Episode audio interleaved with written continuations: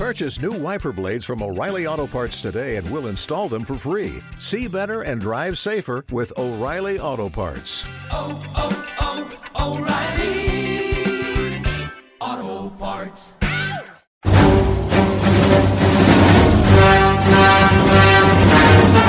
Esteu escoltant Tarragona World al 0.0 de la FM.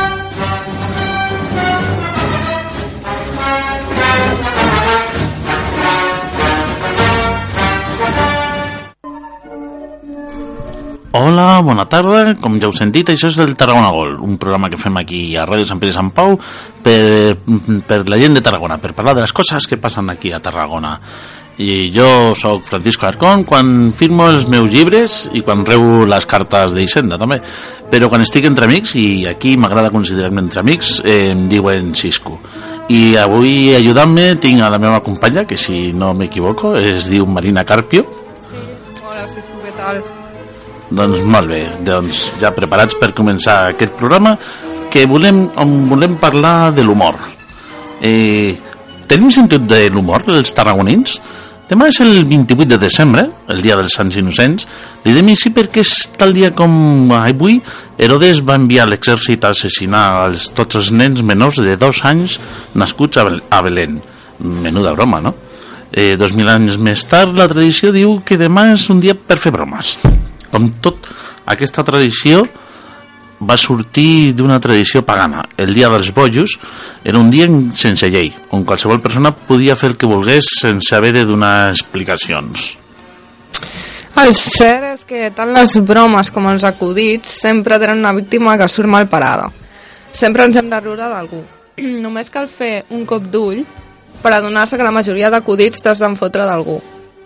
Eh, lisiats, nans, eh, persones lletges acostumen a ser els protagonistes dels acudits. Es pot vul- vulnerar l'honor per, fer riure? S'ha de posar límit? Prohibir? Això sí, de moment, només Guillermo Zapata, eh, de Podemos, ha sigut jutjat per aquests acudits. O en canvi hauria d'estar tot permès per arrencar un riure. Eh, M'habéis matado un hijo, però ¿y lo que me he reído? Eh, aquesta frase la dia sempre el Gila, descansi en pau, en un dels seus monòlegs. O, o encara no se li deien monòlegs. Nosaltres no defensem matar ningú per fer una gràcia, però pensem que hem d'aprendre a agafar-nos les coses amb humor, tot i que una cosa és prendre una mica, perdre una mica el respecte i l'altra eh, ja passar-se ja una mica amb mal gust. Els personatges públics i coneguts acostumen a ser sovint la diana dels acudits. Si fem un cop d'ull a tota la premsa, veiem que cap diari manca un acudit sobre l'actualitat o el tema de moment. Això té un problema. Són gent poderosa que et pot buscar problemes. Així hi ha molts temes o persones que millor no nombrar-les. Un bon exemple és la corona. Fer acudits amb la corona és força perillós. Si no, que li preguntin als del jueves. Bueno, per parlar de tot això tenim avui a, al final a dos convidats. Un és eh, el Faro i el Chico Triste, bueno, Miguel Villalba. Són dibuixants de publicacions tarragonines i bueno, parlarem una miqueta amb ells sobre el tema de com, bueno, com s'accepten aquestes bromes, si han tingut algun tipus de problemes per fotre's amb algú en concret, no? I bueno, no sé, si voleu podríem explicar una miqueta què us dediqueu exactament als dos, qui vulgui que comenci. Dale, dale, Faro. que la veteranía es un grado. No oferto una Boldam, ahora han dicho Yayo. Empezamos bien la fiesta. Doncs jo, eh, com ja porto des de l'any 97 fent acudits a la contraportada del diari de Tarragona. Eh? Aquesta suposo que és la, la vessant més coneguda com a, com a dibuixant, tot i que jo sóc pare de família bàsicament, de família nombrosa, esto dedico mi tiempo libre, eh? i a més a més també intento explicar-li coses de la natura als nanos de Vilaseca, ja que dono classes a un institut de Vilaseca, no? Classes Ja, de, de què? de, de, de física y química, Ah. de biología i de coses que començo a descobrir ara a la meva edat. Què et sembla? Molt bé, eh? molt bé. O sigui que, resumint, fixa't quina persona més feliç que em dedico a ensenyar l'univers als nens i a riure als grans. Què et sembla, Marina? Però a mi em sembla molt interessant. Sí? Molt, sí, sí, molt divers tot. Tu no te ries. No. Bueno, Su turno, Mi- Miguel Ángel. Tenim un cachondeo. Bueno, no, jo, a veure, jo, fa, jo a la vida real vaig estudiar psicologia, vaig fer psicologia clínica a l'Autònoma de Barcelona. El que passa és que, bueno, eh, com que tinc moltes poques responsabilitats, no sóc un pare de família com al Faro i tal, doncs en pagament lloguer i poca cosa més ja vaig tirant, no? I llavors hi havia una, una època en què anava bastant bé tot això del dibuix i em vaig, em vaig dedicar exclusivament al tema del dibuix. Tot i que dibuixo de tota, no, o sigui, des que tenia dos anys eh, vull dir que és bastant vocacional. I actualment aquí a Tarragona doncs, estic fent l'acudit setmanal del Notícies Tarragona que és un gratuït que hi ha a la ciutat. Faig intervencions al programa del TV3 els matins de tant en tant que anem a dibuixar en directe. Eh, fora d'aquí eh, han comprat vinyetes a Cartoon Movement que és com una agència de vinyetes holandesa que després les distribueix a diferents diaris de tant en tant faig alguna col·laboració amb dos diaris francesos un és Le Monde i l'altre és West France a través del Plantu del Cartoon Info Peace i, Quan ho bueno, fas per l'estranger ho has d'escriure també, suposo, en, en l'altre idioma, no? Sí, sí, eh, sí, en francès normalment eh, ho fem en francès. També he estat col·laborant un període amb, amb Cine Mensual, que és una revista satírica d'allà, que ara està una mica tocada de memòria, però bueno. I sí, quan es faig per fora, um, o les faig en les llengües pertinents, a França en francès, però jo miro sempre que el meu humor, sobretot el, el de fora, el que faig aquí local no, però el que faig per fora miro que els acudits siguin muts, o sigui, que només amb la imatge tinguis ja tot el contingut, no? perquè així és molt més fàcil també el recorregut de, de l'acudit aquí i allà. També el temari també canviarà, no? També quan fas un acudit per a França també els protagonistes també han de, han de variar o ja busques in, pren, eh, protagonistes internacionals? Sí, no, a veure, per exemple, per Cine Mensual, que és una revista més de política local, allà sí que has d'estar una mica mirant el que està passant a la política d'allà, no? com si ho estiguessis fent aquí. Però a diaris més, mm, més diguem, com Le Monde, que són diaris utilitzats pels diplomàtics per saber el que està passant o com s'estan veient les coses en, en aquell país però els esdeveniments internacionals doncs allà eh, més o menys és, és temàtica internacional vull dir, temes que tracten tots els diaris de, a tot arreu I, bueno, una mica per, mm, per explicar també, es poden fer acudits a qualsevol, en algun diari en concret, en, en algun mitjà o... amb algun restrenyiment s'han trobat eh? que no acaba de sortir la cosa jo, jo penso que personal eh? és l'experiència que he tingut jo, jo diria jo diria que sí que es pot fer acudit de tot eh, si, si, si tens un to adequat i fer un acudit mm, eh, pots fer-lo ridiculitzant, ironitzant, pots fer-lo tendre, pots fer... Bueno, ja no, no necessàriament has de fer un acudit sagnant, no? Tot i que ho pots fer, sense problema, no? Ara tu deies que, que no es pot fer acudits de la Casa Real i jo diria que se fan milers d'acudits de la Casa Real. Ja va prendre la Casa Real que si prens represàlies contra alguna, contra alguna revista com va passar amb el jueves però justament abans de venir aquí estava a casa repassant eh, internet i mirant, mirant premsa i m'he trobat un acudit de, de, del, del rei encara estic per, dir-li el príncipe eh, i la Letícia parlant de la llei Mordaza i està la Letícia en posició, diguem, eh, poc decorosa, eh? i el nostre rei darrere, i li diu, respecte a la ley Mordaza, dice, ya que no me la puedes chupar como esposa, chúpamela como periodista. ¿Qué dices, toma? Bueno, pues això s'ha publicat en paper, eh? ho dic així, i ahí està. O sea que, que de, les, de les, dels polítics, dels partits, de, la, de, de les institucions, jo diria que es pot fer acudits quasi, quasi sin problema. És més difícil de vegades fer acudits sobre una associació de veïns que es queixen més, o sobre un col·lectiu, o sobre un gremi, no? Que són els que s'enfaden. estan tan acostumats, no? Bueno, perquè jo dic perquè, perquè tenen la pell molt prima i perquè els de dalt suposo que ja saben que han venit a aquest món a patir y a robarnos els impostos a tu y a mí. O sea, que una cosa compensa a la otra, macho. Al final salen ganando, ¿sí o no? ¿Eh? ¿Qué dices, Miguel? no, jo crec que Bueno, eh, Mi- Miguel puede hablar con más propiedad de este tema porque él es muy destroyer. Yo soy un chico así delicado, fino y con, con corazoncito y un poco así de aquella manera, ¿sabes? Pero Miguel es destroyer de los de Sierra Mecánica, macho. Viernes 13 lo inventó él un día de, de borrachera. No, jo crec que, a veure, jo crec que el tema de l'humor ja, quan es fa aquest debat de si té límits o no, ja fem un error de base i és que eh, implica que l'humor mm, pot ser ofensiu perquè s'està relacionant amb, amb temes personals. Jo crec que quan fiques l'endoli de l'humor és una mica com quan veus les, les dames i vells a Santa Tecla no? Eh, hi ha la gent dient malparit al, a l'alcalde i fill de no sé què a l'altre i allà ningú s'escandalitza perquè ja van amb un xip particular no? eh, i de vegades això hauria de passar una miqueta també el que és l'humor gràfic no? jo crec que no hi ha cap mena de límit a l'humor això penso jo no? és només una qüestió de com dius les coses del tempo eh, en la qual estàs dient les coses, etc etc i altres elements, però en si l'humor jo no crec que tingui cap mena de limitació com la poesia no té cap mena de limitació, no? més o menys en aquest sentit. Una altra discussió és el tema de les línies editorials, on estiguis treballant, no? què pots fer o què no pots fer, i això ja també és, depèn de tu com a professional i la teva ètica professional i fins a on pots arribar i fins a on vols arribar sapiguent també que és la teva responsabilitat que si fas determinades coses en segons quins llocs et pots trobar problemes i això a mi m'ha passat, m'ha passat més d'una vegada en diferents mitjans no? però ho he valorat eh, dins de les meves possibilitats i dins de la meva situació. O sigui, això és ja molt, molt plural. Cada professional ho veu d'una manera diferent i cada professional té responsabilitats diferents i, i diferents eh, codis de treball, etc etc. però com a limitació jo penso que no. De fet era més divertit quan, quan no es podien tocar certs temes eh, per exemple en els humoristes de la, dels anys 70, 60 que no, evidentment sota la dictadura hi havia temes prohibidíssims temes que significaven pena de presó o de, com a mínim de detenció no? i expliquen ells que enyoren aquella època perquè arribar fins al límit, insinuar on tothom comprenia però tu no deies res explícit eh, tenies la complicitat màxima del públic que entenia aquell missatge diguem eh, embolicat en un paper de seda no?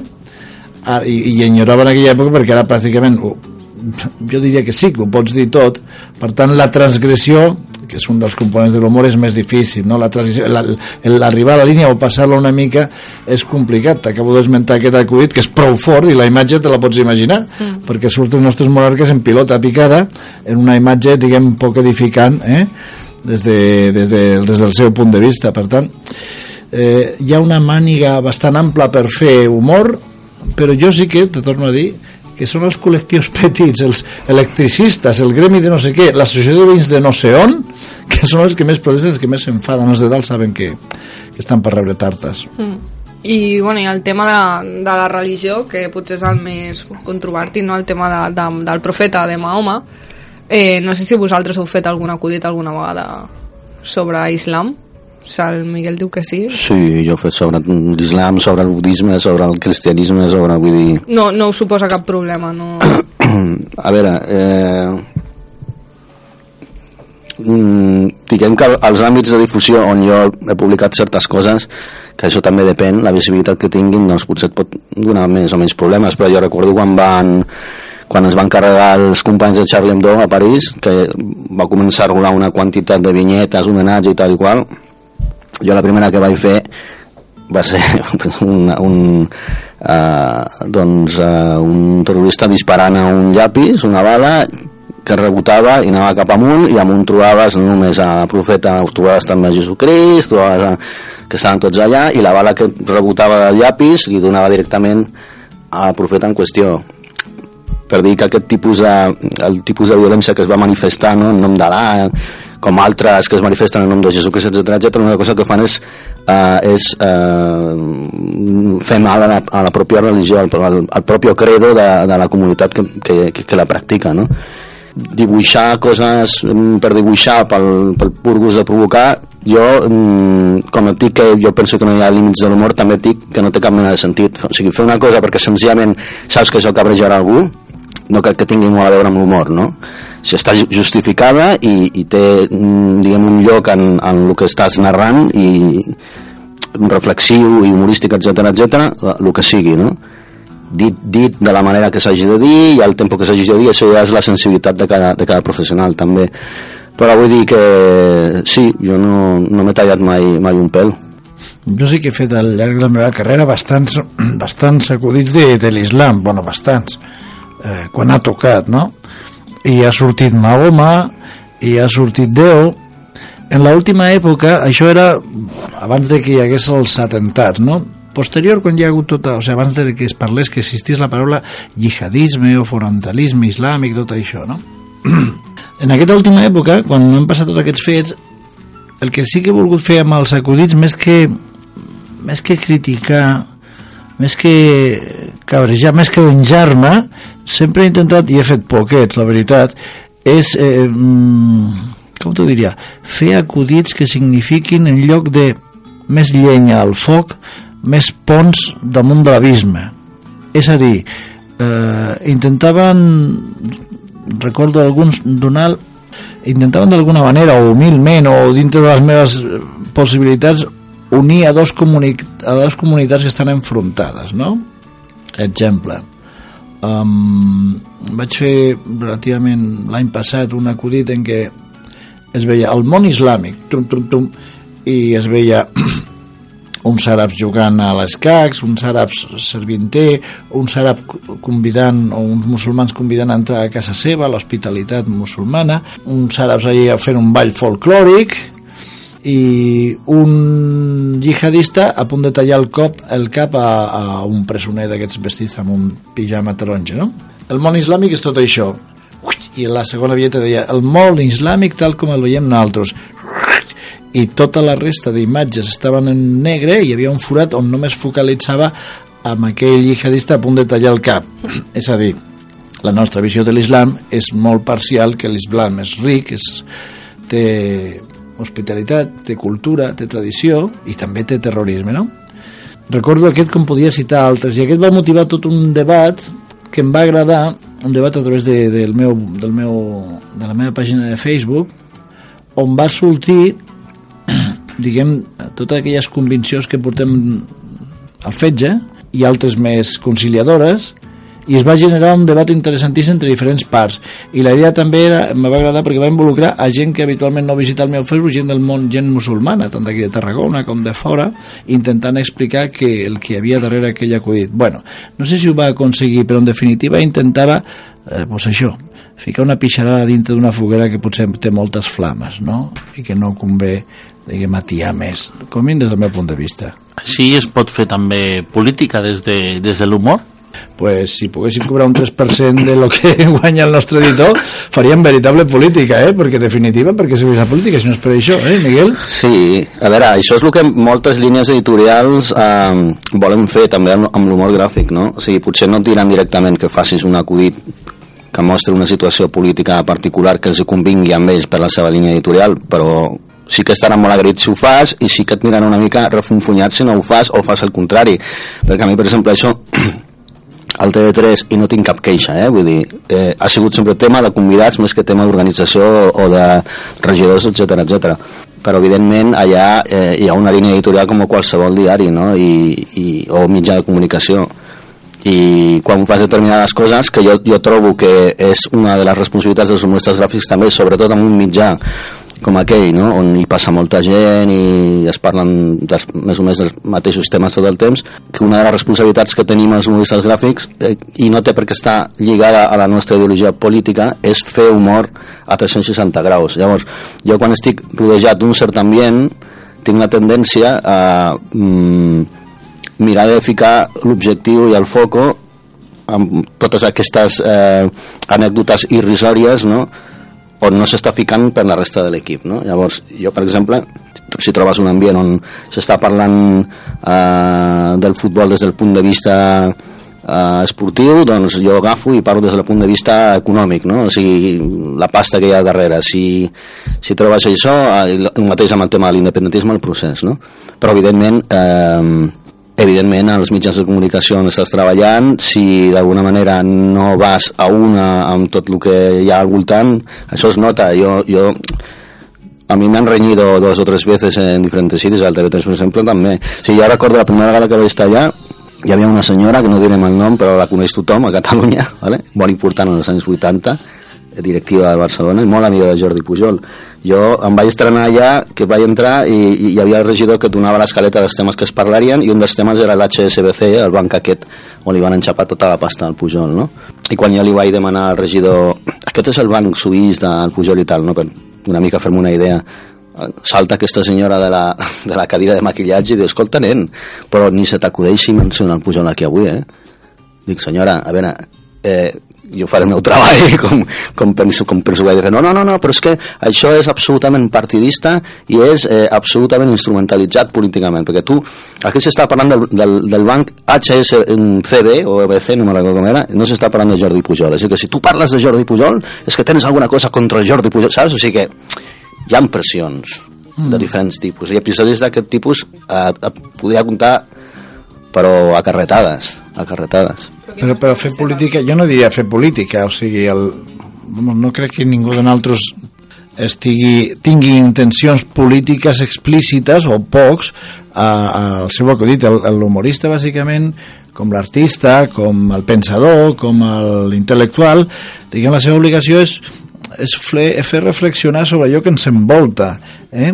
Eh, com m'agrada dir en alguna frase que, que envio uh, en felicitacions i que no és meva diu que l'humorista el que ha de fer veure el, el costat seriós de les coses tontes i el costat tonto de les coses serioses en definitiva s'obrir els ulls tant a, a, al, al, al, a l'expoli que ha fet la família Pujol com a l'abús del WhatsApp com a deixar els nens davant de la televisió mm. per tenir temps per tu o per veure la fotonovela és una visió del món obrir els ulls allò que habitualment els tenim tancats daria fer política eh? Bueno, si, si fer política es hacer posible lo imposible pues nosotros sí que lo intentamos a ver, a, pero el... hacer política hoy en día quiere decir gestionar el dinero público en interés de mm. mi propio bolsillo bueno. de mi partido y de alguno que se sienta al lado mío en el palco. Eh, bueno, Disimulándolo per, para conseguir unos cuantos votitos. Per mi fer política és tot allò que vol influenciar el que és la societat. O sigui, tu ets un idealista. Jo, jo per exemple, eh? jo col·laboro amb la PA i la PA fa política. Per què? Perquè volen canviar una llei que és la llei hipotecària, que la troben injusta. Ara no veuràs fent, fent propaganda de cap partit a, a, a la gent de la PA ni, ni fent política dins d'un ajuntament. Tu entens la política com no l'entenen els polítics. Eh? Tu l'entens la política com una feina per aconseguir el benestar social generalitzat sense interessos privats i això, fill meu, se llegeix els llibres però no es veu als parlaments però bueno, jo, jo personalment penso que denunciar un abús, per exemple, és fer sí. política. Mm, bueno, sí. És, fer bona, fer bona... no té res a veure amb la política que fan les polítics. Eh, és fer bona política. Mm. És la política que haurien de fer els que es dediquen a la política que, sí. i la fan els que no es dediquem o la fem, o ho intentem. Sí. I, bueno, mm, hem parlat una mica, m'heu dit que fins ara no heu tingut llavors cap tema que, que, que us hagin... O sigui, quines represàlies us poden sorgir? Per exemple, tu has comentat allò del Pujol, però al mm. final ho vas poder dir a... Al final el que va passar va ser el següent, que va saltar el tema, perquè això també passa molt al TV3, que eh, hi han 4 o 5 temes a parlar i s'estiguen un munt i al final 3 es queden al tintero i aquell dia a més a més em vaig quedar moltes ganes perquè un altre tema era el tema aquell del famós rellotge del Ballesteros i tal dic, hòstia, digamos, tu voy a quedar aquí en Barcelona. I va saltar també, no? però vull dir, eh, en, aquell, en, en aquell, aquell dia no vaig tindre més polèmica que la discussió amb aquesta senyora a la sala de maquillatge abans de sortir. Però per exemple un altre dia s'estava discutint sobre la parcialitat de TV3 com un mitjà parcialitat política precisament va vindre, me'n recordo que hi havia l'Albiol aquest pare del PP que medeix dos metres sí. i anava allà eh, eh, la, la, la presentadora abans de la tertúlia sempre, sempre entrevista algun personatge no? I aquell dia va anar a l'Albiol i ell es queixava doncs això que, que havien eh, televisat la, la, la diada eh, enfocant les estelades, només les estelades i enfocant només els membres dels partits independentistes, bla, bla, que això no podia ser perquè TV3 era un mitjà públic i pagat per tothom i no, i no es podia transformar en un instrument eh, polític, etc etc. no? Llavors aquell dia va ser molt fort perquè va vindre fins i tot el director general dels mitjans audiovisuals de Catalunya a rentar la cara a, a tot el que és el TV3, Canal 33 i a dir que, no, que això no era veritat que hi havia espai per tothom i tal i qual, no? I, i clar, um, a mi se'm va acudir fer un acudit i no, ni, ni donava ni treia la raó, no? Vull dir, simplement jo, jo, jo crec que una de les feines de l'humorista és agafar eh, colarse por el agujero allá donde ve algo que puede hacer gracia en una situació particular i, i morder la, la, la situació no? i en aquest sentit si ho fas hi ha molta gent que pensa que estàs fent política quan el que estàs fent és un acudit aprofitant una situació no? però si aquest acudit d'alguna manera pot treure una mica les vergonyes a una persona que està allà batallant per dir que no és veritat, aquest és un mitjà parcial i tal, pensarà que tu l'estàs atacant perquè penses el contrari. Jo només estava fent un acudit, no? Però me'n recordo que aquells dies, eh, va ser abans, abans de les eleccions del 27 de setembre ja del, del 2015, si no recordo malament, i me'n recordo que aquells dies el, el Borrell havia tret un llibre que es deia les, les mentires de l'independentisme o alguna així, no me'n recordo, que treia tots els documents de les autopistes per dir que molts dels arguments de Convergència i tal eren falsos i tot això, no? I aquest senyor tenia l'entrada prohibida al plató, als platós de TV3. Estava fent tota una gira per tots els programes de tota Espanya i a TV3 no el deixaven entrar, no? I clar, com, que s'estava parlant d'aquest tema, jo que tampoc tinc gaire idea, mm, francament, és que no, no, no sé fins a quin punt està polititzat o no, m'és igual, jo vaig a fer la meva feina i ja està. Vaig fer aquest acudit de... Vaig dibuixar l'Albiol, que acabava de sortir d'allà, amb la mà així, no? Y ficava... Eh, què, té, què tiene más peligro en un plató del TV3 que l'Albiol, no? Perquè havia anat allà cabre, cabrejat i tal. I quan van fer la pausa publicitària, la regidora va veure això i va dir, hòstia, no, no, no, perquè ja ha vingut cabrejat el, el, el viol i tal, si ara més fotem la conya que li treus la caricatura i tal, no la liem, no sé què, no sé quantos, no? I, i va passar, va passar el full cap al final i, i la van obviar.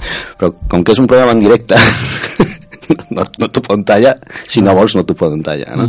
Llavors, quan ja, quan ja s'havia acabat, o sigui, va arribar fins al, al penúltim dibuix, la presentadora, moltes gràcies, Miguel Villalba, i tal, per la, aquesta mirada satírica, i, i dic, és que se s'ha uno.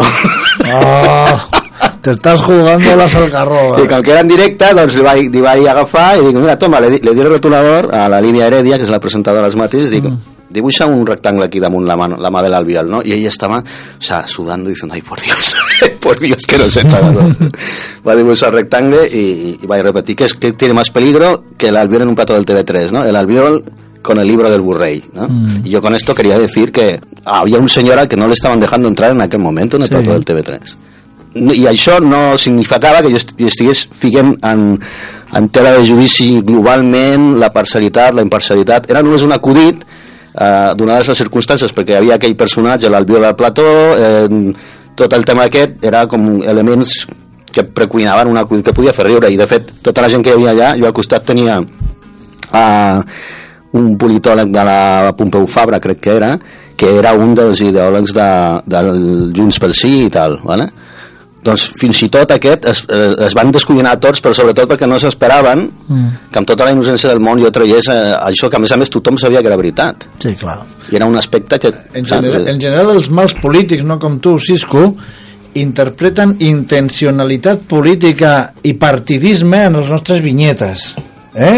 Diuen aquest està pagat pels convergents o pels de Podemos o pels socialistes, ja se'l veu el llaltó el, la, el millor termòmetre per veure que més o menys estàs fent la teva feina correctament és quan reps les crítiques d'aquests polititzats de dues bandes, no? Si te critica un pepero per considerar-te eh, bueno, pro-indepe i un indepe perquè creu que no estàs fent favor a la causa fent aquell acudit que posava en solfa mm. determinada actitud vol dir que més o menys estàs fent bé la teva feina. I nosaltres que coneixem bastants humoristes els humoristes són bàsicament així com nosaltres una miqueta frics, una miqueta de tornada de tot però la, els mals polítics o mal polititzats interpreten de fet hi ha un, hi ha un, hi ha un iaio per no sé on eh, que l'home té clar eh, cada vegada que faig un acudit eh, parlant de, de, del procés eh, té clar que mm, ja li estic fent el favor a la Generalitat i que no faig altres coses perquè si no me trauran el sou.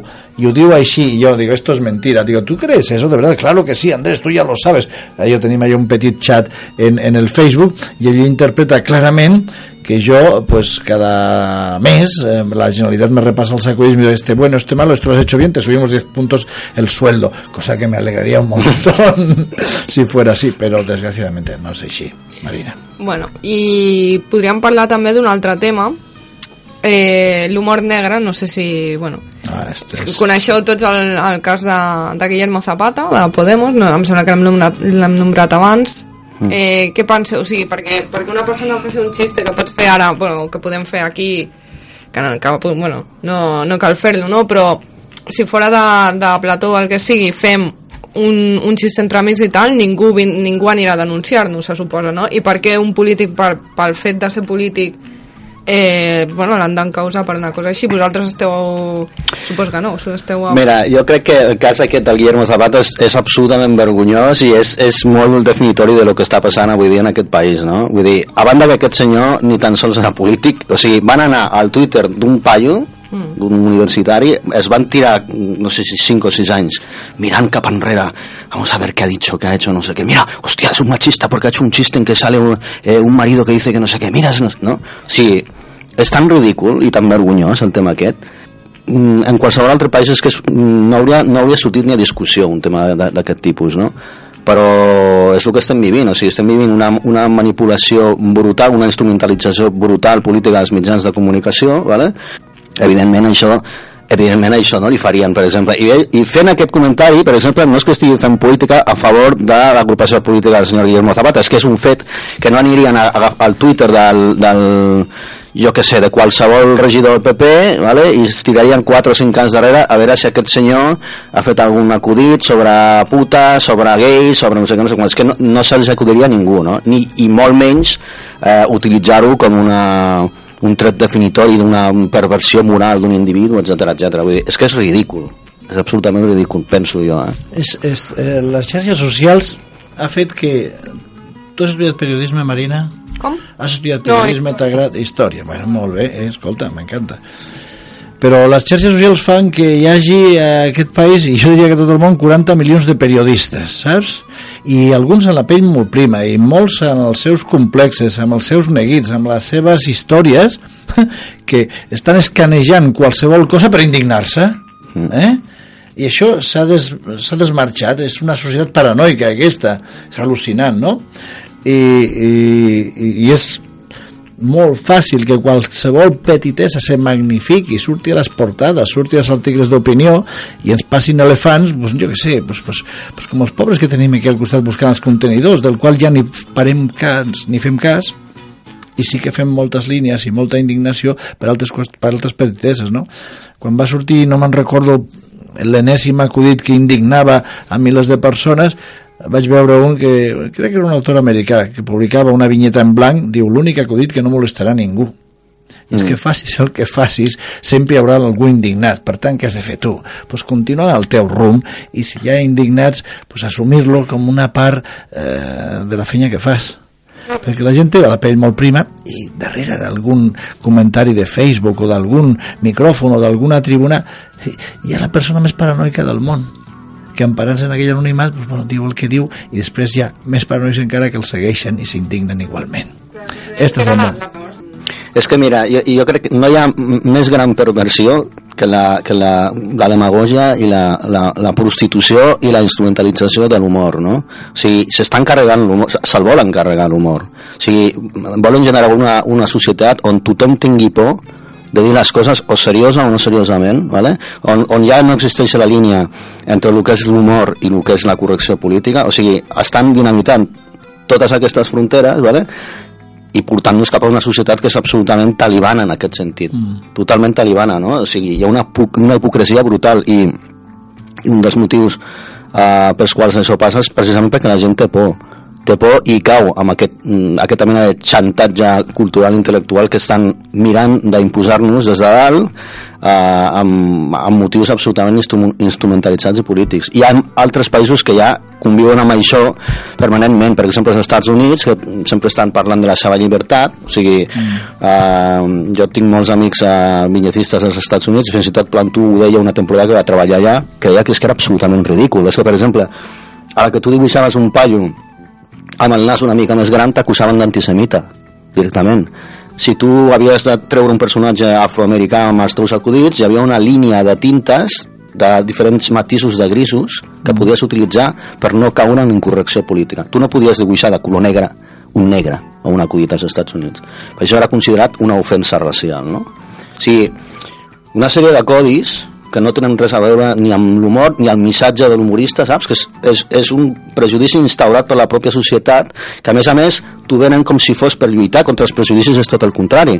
Perquè jo sempre ho he dit, jo he dit que els estereotips, per exemple, que són, eh, són eines de, de feina dels humoristes, Ah. són estereotips, i punt. O sigui, i funcionen o sigui, com l'humor de Charlotte quan llençaves una Ah. tarta a la cara. És que és, és així, ni, ni més ni menys, no? Asterix en Hispània dibuixa a tots els espanyols en plan, diguem, mexicà, no? Que si bigote, que si celles, morenos, i amb aquell estereotip. Si hagués publicat Asterix, eh, bueno, si si s'hagués publicat aquest volum ara, t'asseguro que hi hauria foros de debats perquè ha estereotipat el poble espanyol identificant-lo amb el latinoamericà, amb els gitanos no som així perquè som un poble variat i culturalment escolta, era un recurs, un estereotip que funciona en el còmic i ho has d'entendre així però actualment és molt complicat i peten mines on menys tu esperes però bueno, és part de la Exacte. nostra feina i també part de la nostra diversió Exacte, a més a més el que passa en aquest sentit és que quan més límits et fiquen el prejudici més creix no? això és com una ferida que no la, si no la cures bé s'infecta no? llavors, no parleu d'això tots callats, silenci no? perquè és ofensiu, etc etc. però clar, el prejudici que pugui generar aquesta idea preconcebuda si tu no la parles, si, si no la airees, si no la pones encima de la mesa, en clave d'humor, i en aquest sentit l'humor és fantàstic per fer això, això eh, creix i s'infecta cada vegada més. No? Jo tenia una vinyeta que es deia, sortien tots els estereotips que se'm van acudir amb una, amb una pancarta en plan manifestació que deia deixeu-nos estereotipar en pau, no? I sortia, hi havia el Hitler, hi havia la rubia tonta con las tetas grandes, hi havia el, el, el mexicano gandul, eh, el negro con el balón de bàsquet, el judío con la bolsa de... O sigui, tot el que pot ser considerat eh, mm, facilón i ofensiu, no? parlant de diferents eh, agrupacions ètniques o culturals, etc etc, estava tot ficat allà de cop, no? O sigui, això us ofèn? Doncs dos tazas, toma-lo La- tot. l'última tómalo l'últim succés que em, diguem, em va fobrir els ulls davant de, de la televisió eh, no sé què en penses tu Marina però eh, si recordes fa una o dues setmanes un moviment s'havia queixat de que Wonder Woman, la Mujer Maravilla era la embajadora de la ONU per, no me'n recordo quin assumpte, no? No sé si era per, per, per, per la lluita per les dones o alguna així i l'ha hagut de treure aquest personatge de còmic que ja saps com va vestit, pues com els superhéroes tots amb malles, marcando de todo no? i la van treure perquè significava una ofensa a la dona una estereotipació de la dona objecte i tal, i jo pensava, dic, "Home, pues la veritat és que no deixa de tenir raó sí, és veritat, perquè bueno, sacralitza aquella dona com a cos eh? Com a heroïna, però que no podia ser la Wonder Woman una dona, diguem, eh, pues jo què sé, eh, amb bata d'aquestes de fregar per casa, no? I l'han eliminat. Això, com ho veus tu? Bé, malament o s'han passat? Jo diria que s'han passat, no? Clar, és que sí, si ens parem a pensar, O sigui, realment els, els superhéroes són iguals, són el Clar. típic tio catxes i tal, i llavors, bueno, una mica és el mateix, no? Estereotipa al- al- a l'home com a home objecte, pues no sé. Bueno, no dic res perquè encara tindreu trucades a l'emissora. No, però I, estem, i pues aquest, aquest és el món on se movem, saps? El tío Cacho se va marcando paquete, ¿no? Ahí está. Y, Six-pack. y, y si ahora, yo le pregunto, ¿y si ahora Goya dibuixés la, la maja desnuda?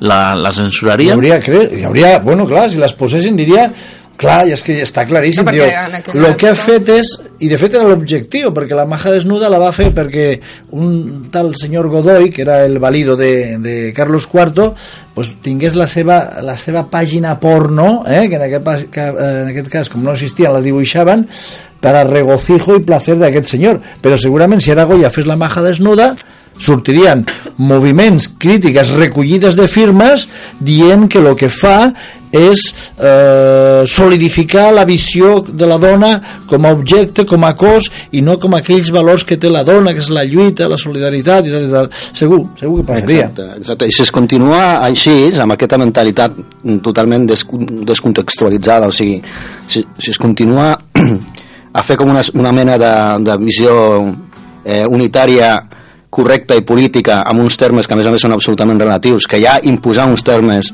denota un cert, un, un cert fanatisme no? en, aquest, en aquest sentit o sigui, arribarà un moment que amb aquesta eina eh, de censura és que arribarà un moment que qualsevol cosa serà ofensiva per a, en qualsevol moment i per a qualsevol element, vull dir, és, és, és absurd, o sigui, és, és, és d'una incultura Jo, de totes maneres, quan, quan llegeixo la, les crítiques, dic, home, vamos a ver, pues, és veritat, la dona eh, s'ha abusat de l'ús, ara parlem d'aquest tema, eh, de la dona com a, com a objecte, com a, de, com a element decoratiu, com a tros de carn, no? Dic, bueno, sí, té raó. Collons, però cal arribar a, pues no, a això, a treure la Wonder Woman de, de com a ambaixadora de la ONU, i al final la lectura que fas és que estem en un món molt boig, estem món molt crispat, me pregunto per què, que la veritat és que no sé donar resposta, un món potser molt indignat, i a lo millor si és que tenen raó d'indignar-se per tot, però saps el que? Darrere tot això el que hi ha és una pèrdua de sentit de l'humor. Saps? De, bueno, pues si és en cachondeo, o la gent que ho pensa no ho diu, o només parlen els bojos a través dels mitjans de les xarxes socials i tal, i la gent normal està fent una voldant com nosaltres com, com vosaltres, eh? eh?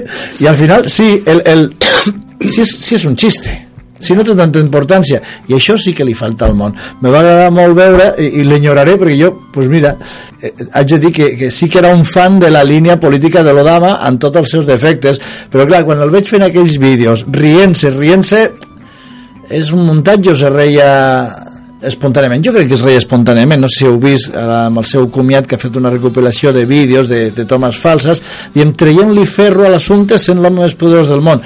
Doncs jo crec que això fa falta crec que la gent s'enfada molt ràpid al carrer quan se, se colan davant teu en la, en la fila de l'autobús, te enfadas, oiga usted, pues dígale una cosa cachonda, ¿no? ¿Eh? No sé, dígale una gracia, niño, que tú no tienes ojo en la cara con gordo que si no me has visto, no sé, ¿eh? L'humor quan l'apliques, i ho fem poc, i jo de vegades me n'oblido, dic, oye, si és mi professió, treu ferro a la vida, y la fa sonrient, y lo que es greu deja de ser greu, y así estamos más felices, y se nos caerán menos los pelos. Mira, mira, mira, mira yo, David, ya me he quedado así. que usas champú de huevo o què? ¿Eh? Sí, ya te enseñaré el huevo. bueno, no sé, que nos hemos ido por las blancas. Sí, bueno, no, això, la pregunta era més si, si creieu que s'hauria de ficar algun tipus de límit a l'humor, en aquest cas, bueno, hem començat parlant eh, de l'humor negre, fins a quin punt, bueno, és això, no?, que, que per cada persona en concret, o per un col·lectiu feminista, o per un col·lectiu, ja que és musulmà, per exemple, pot ser superofensiva una tonteria, bueno, una tonteria per tu, no? Però, mm, clar, mm, hi hauria d'haver algun límit en, en algú que la mort d'una persona, un suïcidi, alguna cosa així més greu, s'hauria de ficar límits. Hòstia, ara recordo... jo tinc dubtes sobre això, no hauria de dir, no? Però eh, recordo, te'n recordes ara fa uns mesos que va haver aquest terrible ter, eh, terratrèmol a Itàlia, no? pues el Charlie Hebdo surt a la portada ara no, no te la, el Miguel segur que la Sí. recorda no? diu eh, pica, en aquests plats eh, italians no? que si Sí, sí, bueno, el relleno de los canelones y tal. La sí. pesto, no sé què, salsa carbonara, Sí. que era el farciment de, de la pasta italiana, ara no em venen al cap els noms, eren els ferits del, del, del terratrèmol, o sigui, això, carne picadillo, carne no sé què, dius, bomba, jo no veig, hosti, dic, poing, això jo no ho faria. Ja. I me vaig fer la pregunta, i això s'ha de fer? I crec que internament la meva resposta és sí, s'ha de fer. Tot i que dius, hosti, i si és el teu pare el que ha mort o la teva mare en aquell terratrèmol... Te, te... Però crec que sí, crec que, a més, Espanya és, és un país de l'humor negre, eh? José Luis López Aguirre, aquella gent, diguem, que, que es reien del mort i que el vetlla, i que és part de la nostra tradició, i que es faci, jo diria que està bé, tot i que quan la vaig veure vaig mm, passar saliva. No, quan va morir fa poc la Rita Barberà mateix, al WhatsApp, bueno, no sé vosaltres, però a mi a tots els grups de WhatsApp m'enviaven xistes de... No, no vaig arribar a veure si algú me va comentar, diu, quin mal gust, no? Sí, però és que això és, eh, port, en- ens porta al que dèiem abans, o sigui, això és eh, no endollar eh, l'humor com un llenguatge com t'endollaries quan eh, et disposes a escoltar poesia, no? O sigui, si ara arriba un paio i comença a recitar-te una poesia, ¿vale? i tu tens al cap doncs, el que està passant a l'Alepo i estàs amb un llenguatge periodístic, potser no connectes amb el que aquest senyor està dient i no, no, no, no, no pots respirar la màgia de les seves paraules dins del seu context poètic. És que amb l'humor passa exactament el mateix. O sigui, no pot ser que l'humor es vegi com una eina que ha d'estar directament relacionada amb, amb les problemàtiques personals. O sigui, en el cas de l'amor de Rita Barberà, jo crec que el que s'està fent allà és desacralitzar el fet de l'amor. Uh, hi haurà gent que tingui més o menys animadversió amb aquest personatge, però en realitat t'estàs rient de l'amor, que per cert, és un, és un fet del qual no escaparà ningú, no? en termes molt personals. Jo me'n recordo que vaig rebre la notícia, meu, o sigui, vaig rebre la notícia que el meu pare havia mort i quatre minuts després em vaig mm, fotre a fer un acudit sobre la mort del meu pare. És, això és incorrecte políticament? No, hauria de, hauria de ser així. O sigui, per mi això va ser, a banda que el meu llenguatge és l'humor, no? Eh, si hagués sigut més poeta hauria fet una poesia, si hagués sigut eh, músic hauria composat una cançó.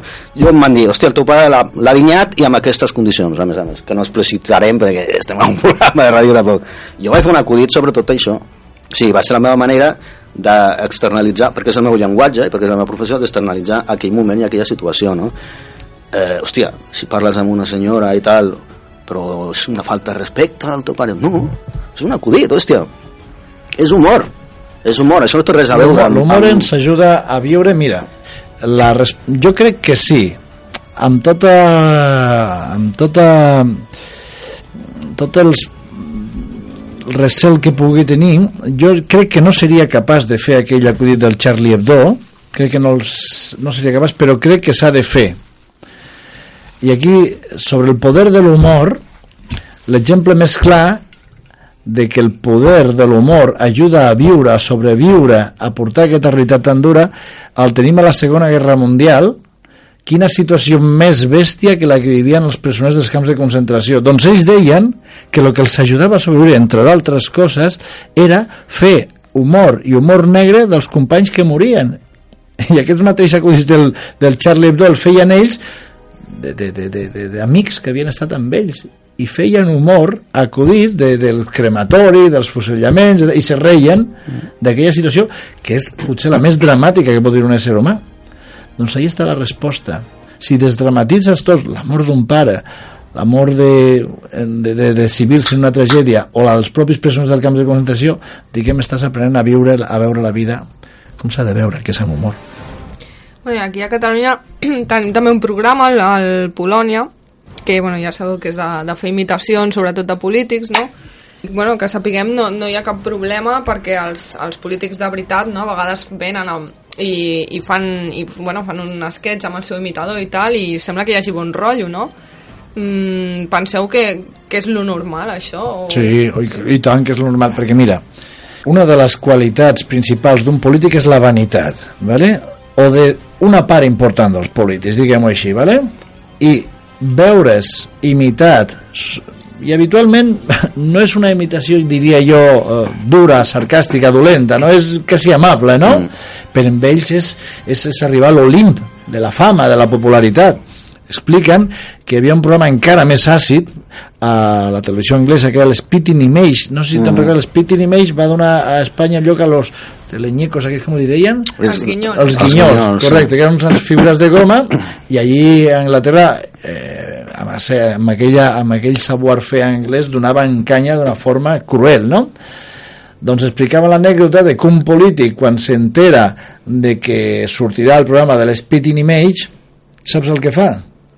Agafa se va a un estudi, se fa un munt de fotos i les envia les fotos a l'estudi perquè li treguin bé en la seva caricatura de goma. I ahí està la resposta. Ells estan encantats, ells són els narcisistes del copón. Jo quan feia els acudits al Tot Tarragona, fa anys aquí al digital, jo, eh, no sé si és correcte dir noms o no dir noms, però jo tinc molts episodis de polítics que m'han contactat a mi personalment eh, encantats que sortir dibuixats però demanant-me explicacions de tipus eh, ¿por qué no dibujas más bajito que Sí. al de Convergencia si yo soy más alto y cosas así, ¿no? Sí, sí, que no t'ho creies, que dius, Sí, però està, perquè- està, sí, està bien de veritat Té aquest raó. pare.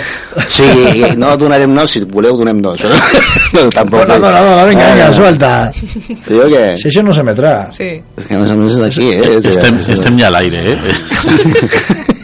al aire, vamos a, vamos a viciar el aire Miguel. Bueno, Alejandro Fernández, Alejandro Fernández del PP. Ha enviat més una vegada primer mails a mi i de Facebook i tal i després parlant amb els, amb els editors de tot Tarragona mmm, demanant explicacions de coses i tal y enviando fotos adjuntas para que yo viera que era igual de Hostia, alto que que- l'Arello y sí, cosas sí, de estas ¿no? I sortia me- més guapo, no, també? Sí, bueno, eso ya es un poco más difícil, ¿eh? Es, es de aquí de San Baubi. Aquí Ya, ya, por eso digo que los que. Pero, pero vive muy lejos o cerquita. Cerquita, cerquita. Cerquita. Coño. Esto cuando se acaba, Marina. Bueno, Hemos dicho una hora, ¿cuánto sí, llevamos ya? En, en 20 minutos salimos A ver si le corriendo. da tiempo. Sí, sí.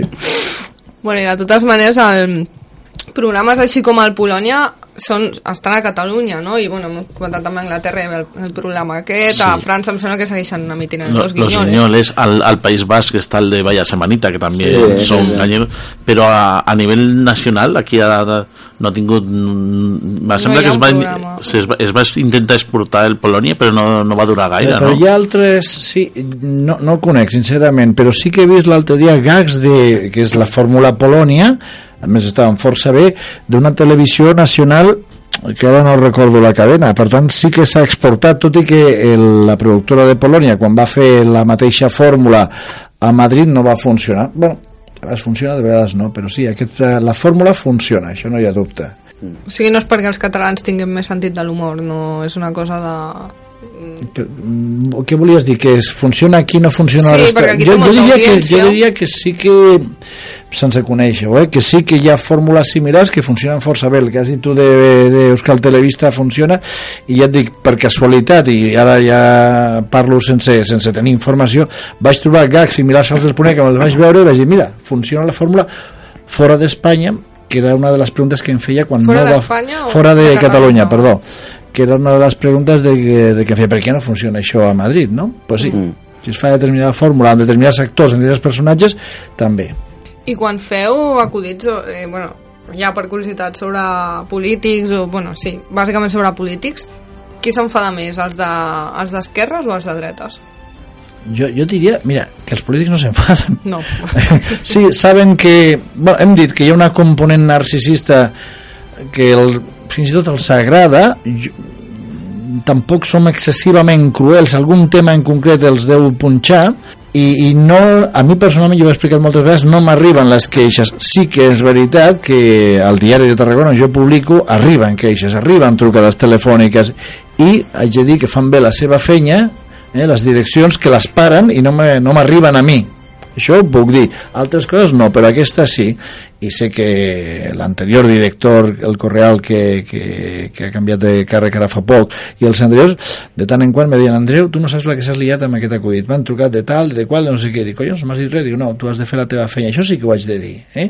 alguna vegada fa anys va arribar a casa una cosa anecdòtica, però en general a mi em paren els cops a, a la direcció del diari O sigui que no, no, hi ha molt, no hi ha masses problemes aquest. Jo penso que jo crec que es capareja més la gent seguidora de determinades eh, agrupacions polítiques Sí. més o menys fanàtic que són fanàtics ja per qüestió de caràcter no per qüestió d'ideologia política que els polítics no? I el millor que et pot passar jo quan feia els acuts a tot Tarragona a mi em van acusar de convergent d'independentista, de pepero, em van dir de tot em van dir de tot, això era un bon senyal no? perquè això vol dir que estàs disparant a 360 graus però sí que és veritat que hi han sobretot alguns temes, més que mm, fins i tot ni tan sols polítics. Bueno, poden ser polítics in- indirectament. Però hi ha els, alguns temes que per aquesta visió que parlàvem abans molt demagògica i, i molt talibana no? de, de la censura i de dir no, este tema no, no admite ninguna conya.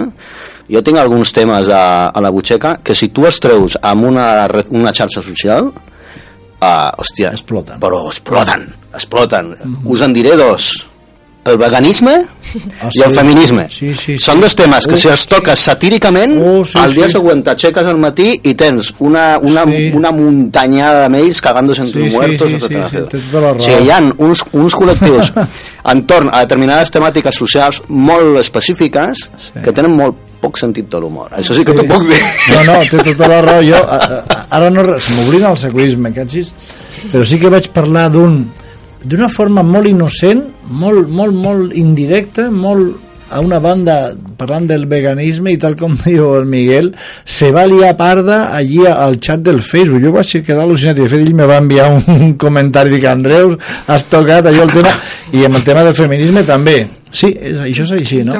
Els polítics s'ha de dir que saben certes regles i han de ser molt torpes, si em permets l'expressió, per queixar-se d'un acudit. Ara fa poc eh, Miguel el Napi, que avui no ens acompanya, jo mateix vam estar involucrats en un polític que va cometre l'error, l'estupidesa, la torpesa de criticar un acudit, ¿vale?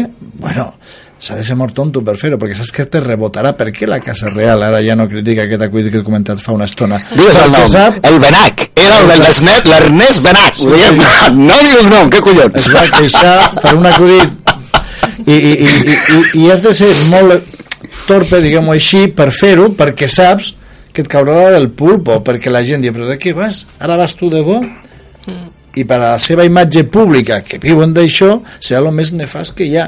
No es queixaran en públic, se'n passaran la saliva, alguns fins i tot se la quedarà, i alguns diran al seu secretari o a la seva mà dreta que truqui al director del diari que sigui per dir-li que no els agrada aquest acudit i que saps que d'aquí dos mesos són les festes majors i que tenim contractada una pàgina de publicitat tu mismo i així va la cosa eh? No, clar. no, sí que és veritat.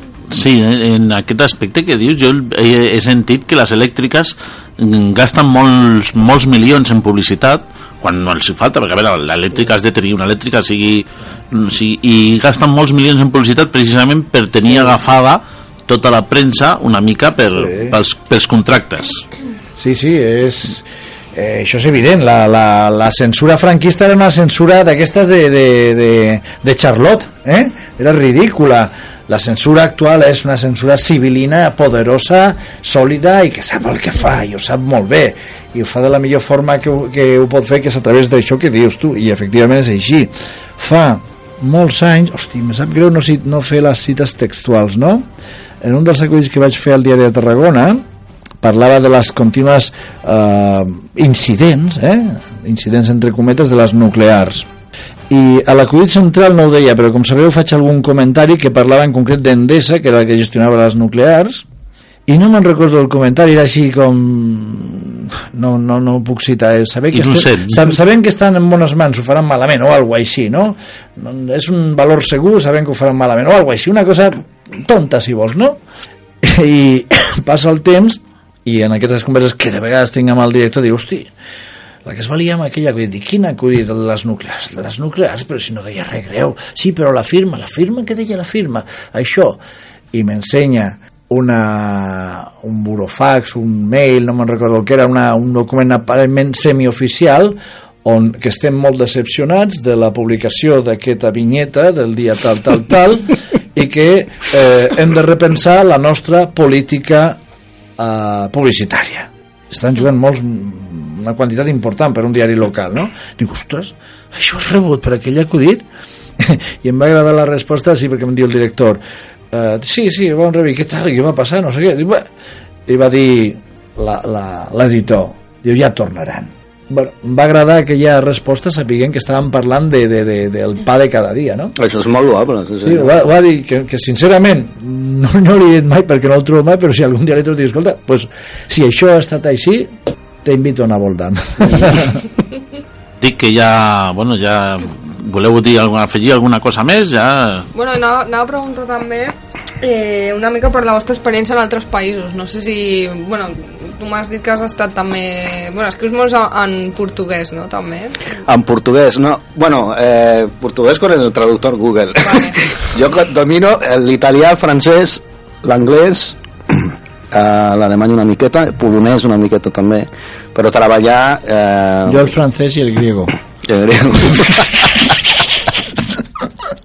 ¿Y no te duele? Sí, eh, no, vamos a ser políticamente correctos, ¿eh? Que vamos, que tenemos al, al, al, al concejal a 20 minutos, macho, y ya me estoy imaginando los furgones viniendo para aquí, no la liemos, porque por ahora solo te van a coger a ti. Pero Marina, yo y Cisco estamos libres de toda culpa, ¿eh? Cisco, mira si tiene cara de angelito y todo, le veo ahí en el PC, la, la, la, la, la. No, mira, jo quan treballo per premsa estrangera, miro, jo miro que els acudits siguin muts. Jo sempre he pensat, personalment jo, eh, que quan menys paraules eh, necessites utilitzar per una imatge satírica, millor. Aquesta és la meva política. Yo I- también lo pienso, pero nunca lo consigo.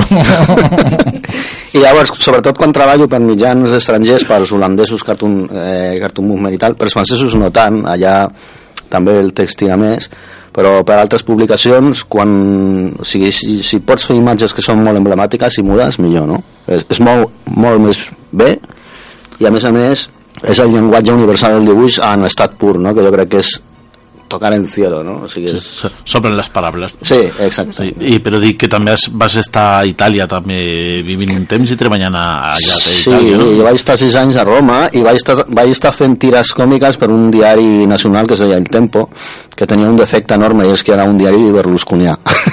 I llavors, allà ja no pintava una merda. El que passa és que el que jo estava fent eren tires, eh, les tires aquelles de l'oveja, no sé si les has Sí, vist alguna i tant. vegada, que és humor blanc, o sigui, és un humor absolutament apolític i les feia amb un suplement de salut que hi havia en aquell diari, o sigui, no tenia res a veure amb la línia editorial, etc etc.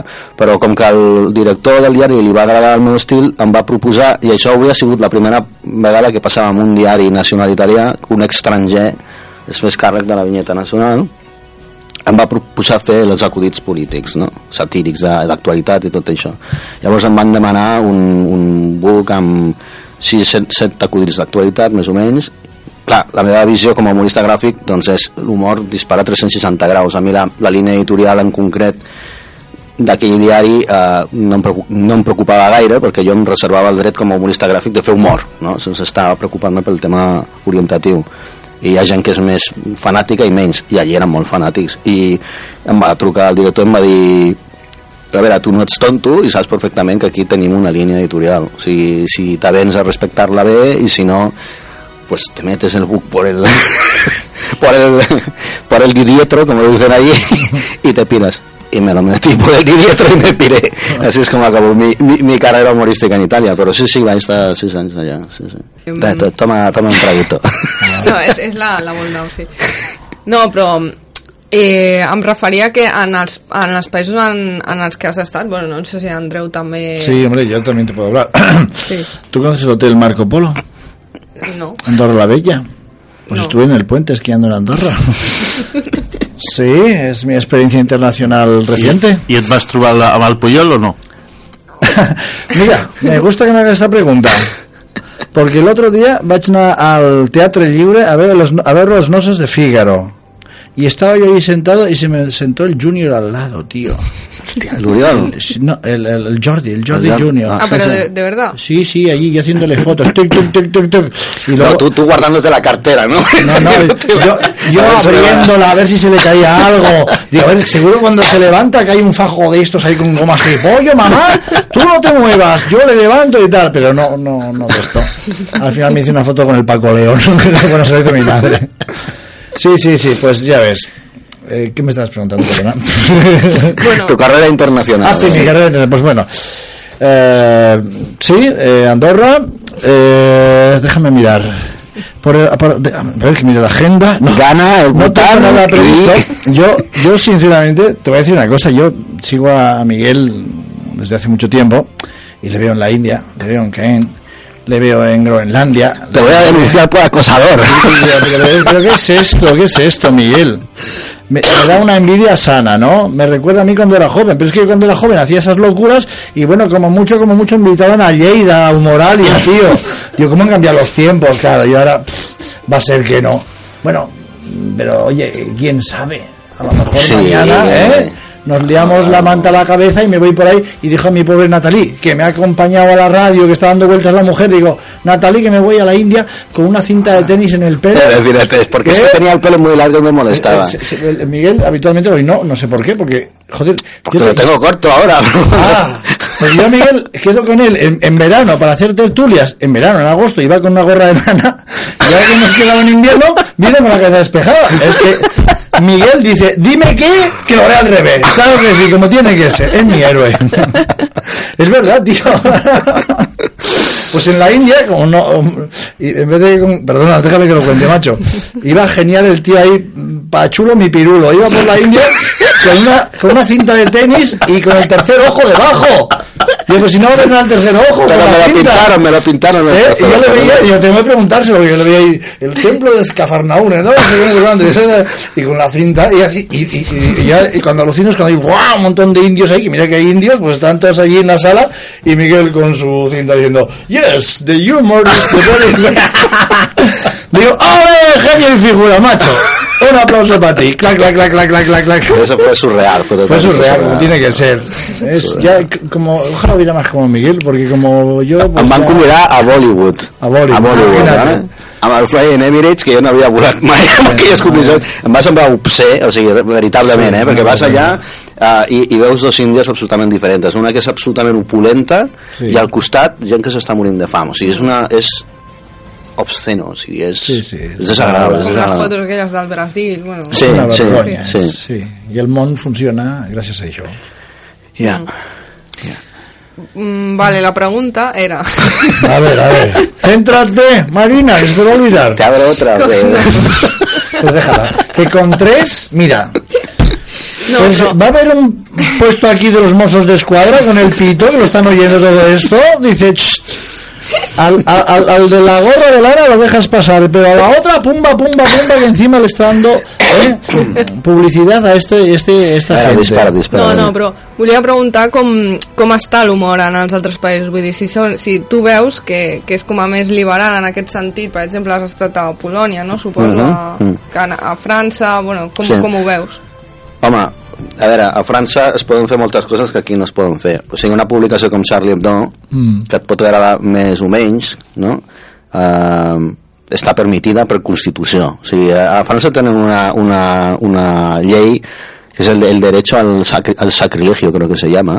Té té un nom uh, específic, eh? el dret al, al, dret al sacrilegi, em sembla que es diu, no? O sigui, perquè ells tenen una definició de l'humor efectivament com la que m'agradaria que tinguéssim en aquest país també que no té res a veure ni amb eh, eh, identificar acudits sobre la mort amb una mm, manca de sensibilitat o sigui, l'humor és un llenguatge com la poesia que té uns codis vale? mm. i ningú entra a fer judicis morals d'aquests codis, o sigui, ningú es prendria eh, de manera personal, alguns ho fan per la seva educació més o menys, però eh, constitucionalment està protegida aquesta imatge de l'humor a França, no?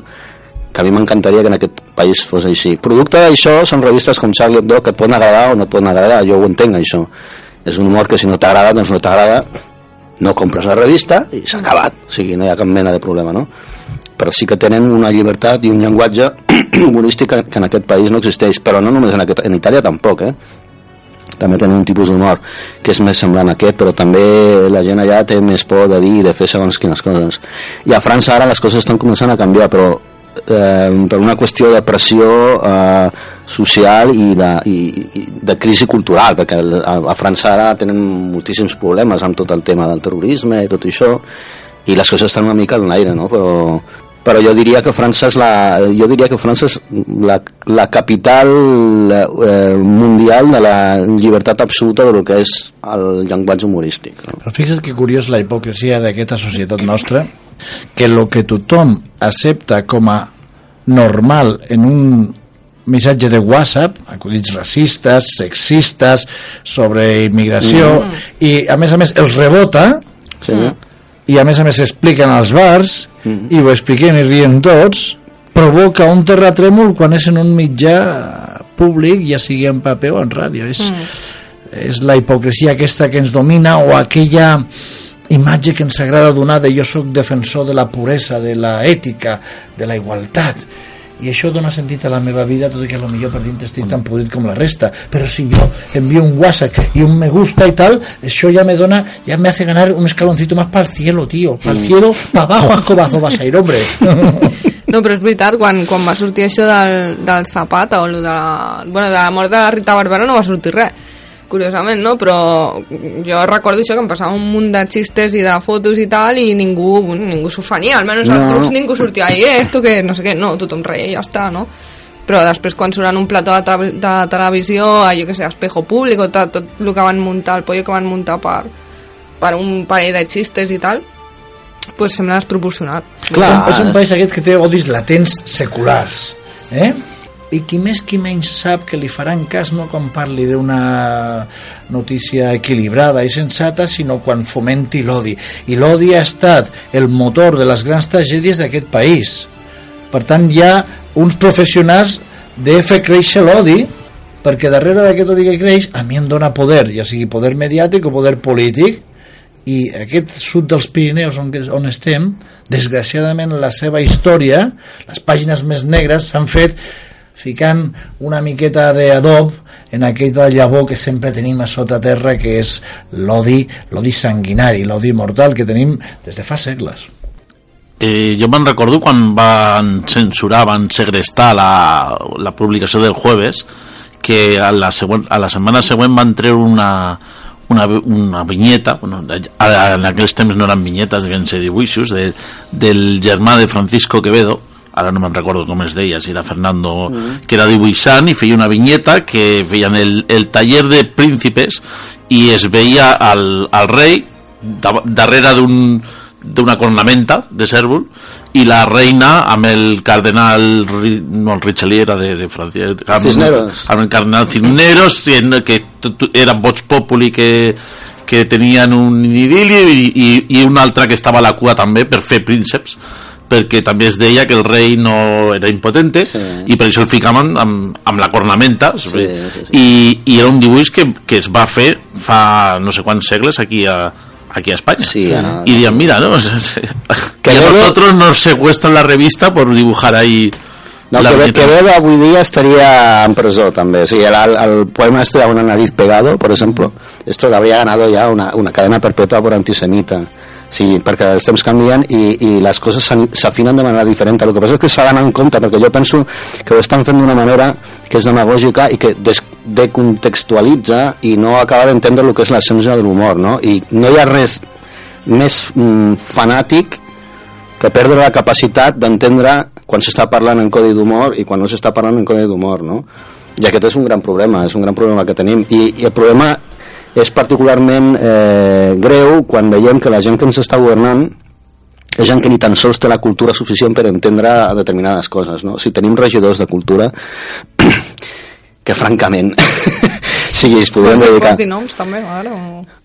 és que ja no sé ni com llama subvenció. no, no, no, no. Uy, mira, jo et dic una cosa eh, segons com t'aixequis al Esto es matí el día de los inocentes. No. Todo esto es una gran broma. Jo et dic una cosa, segons com t'aixequis al matí, eh, eh, segons el nivell de sucre que tinguis a la sang, hi ha coses que et semblaran ofe- ofensives o no. Ja. Vale? I, I si demà el que avui t'ha entrat malament et farà riure i passat demà serà diferent llavors no es poden legislar ni es poden eh, empresonar conceptes universals com els conceptes humorístics dins de sensibilitats que són absolutament que són, estan absolutament eh, sotmeses a la persona que està dictant la llei, a la seva cultura al seu moment personal, etc etc. Estem enfadats. És que no es pot som fer una això no, però és que som una societat enfadada.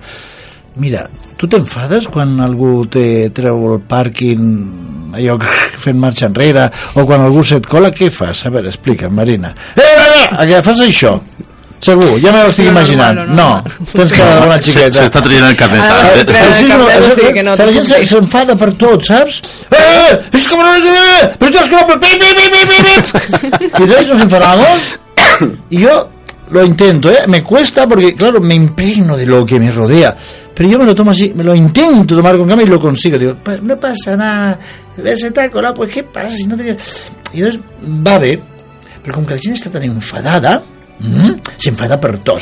I quan s'enfada per tot, hay un enfadador professional. ¿Eh? El enfadador que enfade, buen enfadador será, me parece que decía, ¿eh? I aleshores què passa? Que dintre d'aquesta societat absurda que tenim, un dels mites, un dels objectius vitals de la nostra gent, dels nostres joves, saps el que és? És una paraula molt guai que ha sortit viralitzar algo. Viralizar. Viralizar. Viralizar quiere decir que un pedo lo comparten millones de personas y entonces te hace a ti famoso y poderoso porque se ha compartido en YouTube con me gusta, se ha, se ha rebotado, se ha tal, ¿no? Y entonces, claro, yo sé que viralizo si me enfado y enfado a los otros. Por tanto, esto es un campo de viralización negativa. ¿Y a dónde vamos a ir a llegar? Con lo bien que estamos, todos tomando las cosas a la chirigota, ¿no? Ahora poc vaig estar a Sevilla. Coño, yo es que de verdad, los andal ¿tú, eres andaluza o no tienes por ahí parientes, bueno, pues tú te lo pierdes, yo tampoco. ¿eh? Yo vengo de Burgos, que de Burgos tiene mucho cachondeo, ¿no? Y a mí me encanta, tío, con su pene en todo allá cachondeo. Digo, joder, tío, si es que me voy a retirar aquí. A que me paguen la pensión los catalanes. bueno, no, llamada, acaban de llamar a la emisora. ¿Qué es lo que estás diciendo? ¡No vergüenza! Ya estáis bien victimizando. ¡Ah! Pues vente para que demos una volta. No, hombre. ¿Sí o no? ¿Tengo o no tengo razón? Dins de... Bueno, ja, ja que parlem de- De de viralitzar i tal, la, el PP va, va dir que Viraliza estava, negativo que viralizarás mejor. estava És pensant en treure una llei, una llei que per prohibir els memes. Els memes. Els, sí, que, son, que es, bueno, son los Sí, que sí, sí, esto es, esto, es ya para morirse, tío, de verdad. Es que esto es. Pero Mariano, vete a, vete a, a París, tío, y que te tiren tomates y que se rían de ti, por tonto. Si es que, macho. Bueno, también se decir una otra cosa. Ahora vamos, ¿eh? Yo, que el, el Miguelito no coincide conmigo, porque yo soy así como un, como un alma cándida, no hay más que verme, ¿verdad? ¿Eh? Una buena persona que hace fotos de los atardeceres, ¿verdad? Y los cuelga. eres un poeta, y, y hace reflexiones esas que dice, eh, yo me imagino a, a Miguelito ahí con la cerveza. Joder, el faro que había ahora, que si el cielo es rojo como los ojos de la amapola, pero este tío que se ha tomado. Bueno, de todo tiene que haber la viña del señor. Hay quien se va a la India y hay quien se queda aquí haciendo fotos a lo que tiene delante. Bueno, y decía esto porque, hablando de que hay el cabreo general, este, la mala leche esta de, de- de- de la- de- del coche, de Pepe, cabrón. Perdón, se me había ocurrido un chiste que lo explicaré después. Pausa dramática. Sí. Pero yo de vez en cuando hago chistes de estos bonitos, de estos así, ¿eh? primaverales y tal, y me gusta que la gente le ponga me gustas y los rebote y los comparta. Digo, mira, también hay campo para la buena gente, para los buenos sentimientos, y ahí estaré yo. Pues sí, tú eres Para- dulce. El Faro es, eh, es el terrón de azúcar de la provincia de Tarragona. O sea, el Faro es un poeta es un, es un, es, es dulce, es, un, es una persona que intenta sacar lo bonito de así que, al contrario de yo que soy un, El- el- un miserable, soy un gusano que se regocija en lo más bajo del ser humano. O el Napi, que también es muy irónico, con un lenguaje cojonudo. Él es un poeta que dice, y a pesar de todo, el ser humano Eh, eh, soy optimista y es, en el ser es optimista. Claro, Es demasiado optimista para ser humorista gráfico. Pero es que ya es una opción, ya, ya, ya. es- No, alguien tiene que decirlo, ¿no? Hay algo bueno dentro de nosotros. Mira, aquí tengo el bazo, que está en perfectas condiciones. Y el intestino delgado me lo limpié el otro día. ¡Mua! Caga miel. Y perdón, no quería decir caga, quería decir mm, Su pura. Eso. Su pura. de feca. De feca. Yo, yo intento hacer un canto a las cosas bonitas del mundo. Ya, ya. No, no, lo, lo has demostrado ahora. Pero, pero también tengo mi parte negativa, como en el fondo, Miguel, aquí donde le ves, es, es, es puro amor. Es puro, puro cariño. Yo soy por cariño. yo Pero soy- y además tiene- me pillan enseguida. Claro que sí, claro que sí. El regidor por una cara de decir, se os está yendo la olla. Vamos a cortar ya. Mossos de, Escuadra. Mossos de Escuadra. Si le hacéis soplar ahora saliendo de la emisora aquí en el edificio Perú, dejadle ir, porque en el fondo ese alcohol es ambrosía. A ver, pero se No ha, hace venido, ver doble, hace ver triple. se ha venido en autobús, a ver. ¿eh? Es uno de los motivos por los que no tengo coche. Aparte de que el humor gráfico no da para vivir muy bien en este país, eh, Sí. respeto al medio ambiente. Sí, fíjate. señor. Más como tú tendría que haber, macho. Sí, señor. Nos hemos ido otra vez del tema. Así no tendries problema per aparcar, no? A ver. Sí. Doncs bé, ja, jo crec que ja està tot el que volíem preguntar. No sé si falta alguna cosa més. No, a no ser que queráis... Bueno, Bueno, yo quería, mm, para cerrar el debate, decir que soy alérgico al glutamato. al... Al glutamato. Es una sustancia que se encuentra sobre todo en los restaurantes Sa- chinos. ya te he y dicho que genera un síndrome que se llama el síndrome del restaurante chino que consiste en náuseas y mareos. ¿Sabes? En la salsa agridulce hay una sustancia que se... Bueno, nada, no he dicho nada. Ya te he dicho que Eh, sa- el Miguel sabe llegar vale. a lo más hondo de nuestro cuerpo. Me día- a, a mi sistema inmunitario. El día que hablemos de... Tomamos nota y el día que hablemos de alergenos y de intolerancias... Y de glutamato. te- Si habláis del glutamato, si habláis del glutamato, invitadme Hombre. porque tengo... Tengo, pero, pero bueno, a mí quería no hablar hace- del a mí no gluten. hace falta, ¿eh? Quería Yo traer si al encargado del Mercadona y hablar del gluten. Exacto. eso, ahí también tengo... Yo tengo prefiero hablar de los glúteos. ¿Tú de qué prefieres, Marina? ¿Eh? A mí no me pregunto. Mójate, mójate. Mójate, los glúteos. Eh, eh, eh, por No, no, favor. basta, basta, basta, No, basta. jo, jo voldria desitjar un bon final d'any als nostres telespectadors. Perdó, ui, dos, que és que ja... I dir-los que aquest Nadal aprofitin per trucar a aquella persona que fa temps que no trucaven y que le digan, mira, he hablado con un tío que parecía que estaba borracho, perdón, he oído a un tío que estaba borracho en la radio y quiero decir que a pesar de lo que me hiciste, de que te llevaste a mi hermana, de que me dejaste mi hipoteca, te quiero. Te quiero cortar la yugular, cabrón, no aparezca por casa. Bon Nadal, bon Nadal. Y eso casi es lo único que no he bebido. bueno, Bon any a tothom, sí senyor. doncs, doncs bé, mol, moltes gràcies a tots per venir eh, i, i ha sigut un I- plaer i no ha sigut nunca divertit ha sigut divertit, sí home, segurament un altre dia que parlem de l'humor Pero que venga la Marina y sus glúteos. la, Y más cosas. home, la Marina Que lo traiga todo. part del programa Y a mí un vinito, que yo no bebo cerveza. bueno, no, prenem nota Si tienes tiempo, vente, yo te invito ahora. Pues si me está esperando mi mujer que debe decir, Ja, tío que sí, diciendo? jo no sé què ha fet la teva dona. Dir-vos que, que bueno, ens podeu trobar a les xarxes socials, estem allà al facebook.com barra Tarragona World 101.0, al Twitter és arroba Tarragona guió baix World, eh, Tarragona World, ¡Gol de Messi! Tarragona World, el tenien agafat els del Barcelona World.